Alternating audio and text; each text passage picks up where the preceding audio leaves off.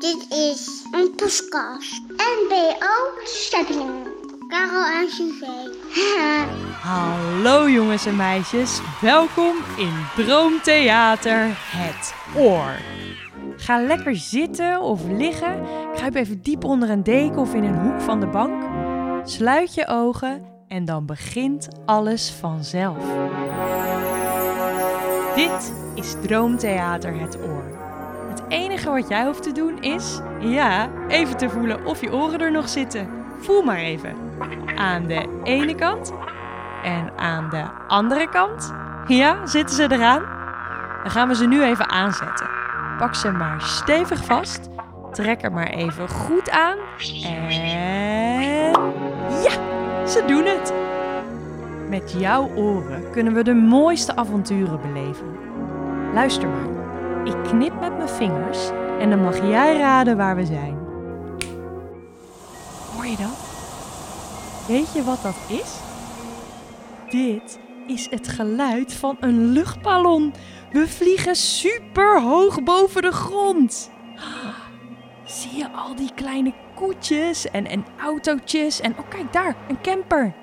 En al die kleine zwarte puntjes, dat zijn mensjes. Het lijken net mieren toch vanaf hier?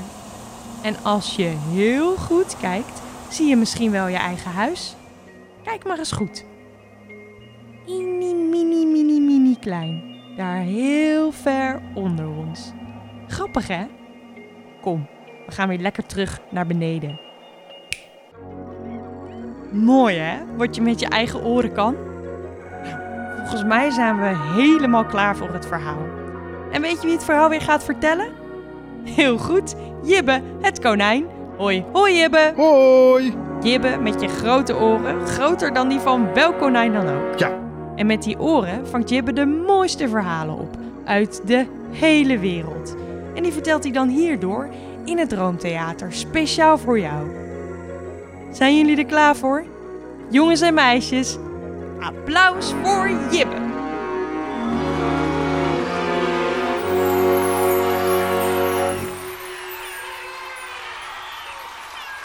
Jullie wel. We kunnen beginnen. En daar gaan mijn verhalen ook over. Over beginnen. Vandaag ga ik op zoek naar het begin van woestijnen. Alles heeft een begin. Macaroni, muntjes, miereneters, muizenkeutels, moppereenden, mallemoeren, middenvelders, mussen en mafketels. En hoe is dat alles dan begonnen? Dat weet niemand. Maar ook al weten we niet van alle dingen te beginnen, dat betekent niet dat we ze niet kunnen verzinnen. En zo zijn er allemaal verhalen van een begin. En die verhalen noemen we mythes. Vandaag vertel ik van de roekeloze jonge Phaeton en zijn vader koning Zon. Want dat is het verhaal van hoe woestijnen zijn begonnen. Woestijnen dat zijn, ach, dat weet je toch wel, megantische zandbakken. Het lijken wel enorme stranden, maar dan zonder zee. En als je een boterham eet, dan krijg je altijd zand tussen je tanden. Er wonen kamelen en rotshagedissen, schorpioentjes en dromedarissen. De zon schijnt er fel, er valt bijna nooit regen. Je zweet er heel snel en je hebt altijd dorst. Als je te lang in de woestijn blijft hangen, verandert je velletje in droge borst. En er groeit weinig tot niets. Dat komt, de woestijn is een heel droog gebied. Nou, dat was vroeger niet. Toen groeiden er bomen en overal bloemen, te veel om op te noemen. In ieder geval de laurier en de narcis. En er waaide een briesje aangenaam fris. Je zou er zo op vakantie gaan. Het is weer eens iets anders dan koog aan de zaan. Maar op een dag gebeurde er wat, waardoor de woestijnen zijn ontstaan. Nou, hoe is dat gegaan? Dan moeten we terug naar vroeger dan vroeger. Naar de tijd dat de tijd zelf nog zelfs niet bestond. En mijn verhaal begint in een prachtig paleis. Daar woonde de machtige koning Zon. Hij straalde zijn zonnestralen over heel de aarde. En alle mensen en alle dieren hielden van hem. Dat zal je wel snappen. Hij bracht licht op de wereld, hij hield iedereen warm en hij vertelde ook heel grappige grappen. Koning Zon stapte elke morgen in zijn zonnewagen en maakte zijn rondje langs de lucht. Voortgetrokken door vier gevleugelde paarden bracht hij de dag maar hij kwam op zijn vlucht. Koning Zon kwam op in het oosten, klom dan omhoog om in het puntje van de hemel te schijnen. Dan zakte hij omlaag om onder te gaan en in het westen te verdwijnen. Dat ging honderden, duizenden jaren zo goed, tot op een dag zijn zoon Phaeton bij hem kwam. Koning Zon zuchtte. Hij zei, ik ben aan het werk, ik moet zo de lucht in. En Phaeton werd treurig. Hij zei, jij werkt altijd, je wil nooit met me spelen, je bent druk, druk, druk, druk. Maar ik ben je zoon, kan je dat dan niks schelen? Koning Zon zei, natuurlijk wel jongen, maar luister naar mij. Ik heb nooit ook maar één moment vrij. Mijn werk slokt me op. Ik begin ochtends vroeg, nog voor dag en dauw. En totdat het nacht is, ben ik in touw. Python vroeg, is voor jou werk het belangrijkst? Betekent het meer dan je bloedeigen zoon? Koning Zon werd rood en frummelde aan zijn kroon. Natuurlijk niet, dat weet je. Ik hou van jou. Je bent mijn schatje, mijn scheetje. Maar Phaeton geloofde daar helemaal niets van.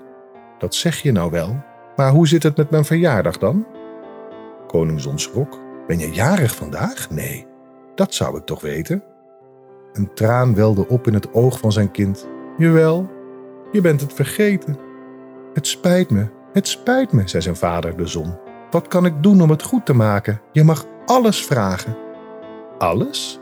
vroeg Phaeton. Ik mag alles vragen? Koning Zon knikte.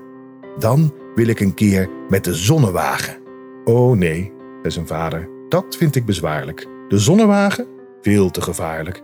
Die is te snel en te groot. Straks breek je een been of je valt op je hoofd. Oh lieverd, doe het niet. Straks val je nog dood. Beloofd is beloofd, zei Phaeton spinnijdig. Beloftes die mag je niet breken. Je hebt gelijk, zei de zon die bedroefd. Maar jongen, oh, weet je het zeker? Er is geen kunst aan, zei Phaeton verwaand. Ik vlieg even omhoog en kom dan naar beneden. De zon hield zijn hart vast, zei: Doe wel voorzichtig. Maar zijn zon luisterde niet naar zijn smeekbeden, die sprong in de wagen en sloeg met zijn hand zo klets op de paardenkonten. Die schoten naar voren zo hop de lucht in, ze kwamen razendsnel van de grond. Hij riep harder, harder, hortsik, ik wil sneller, jullie vliegen me veel te traag. En als de bliksem vlogen de paarden razend en jagend langs de aarde. Python had er schik in. Hij vond zichzelf een hele bink, maar toen ging het mis. Oh, wat een verschrikking. Hij slingerde rechts, hij slingerde links. Hij kon de paarden niet langer houden. De wagen schoot rakelings langs de grond en overal waar Phaeton hotste en botste brandde de wereld zo heet als de zon. Met een harde knal, met wagen en al stortte hij neer. En overal waar de wagen de aarde aan had geraakt was alles verschroeid.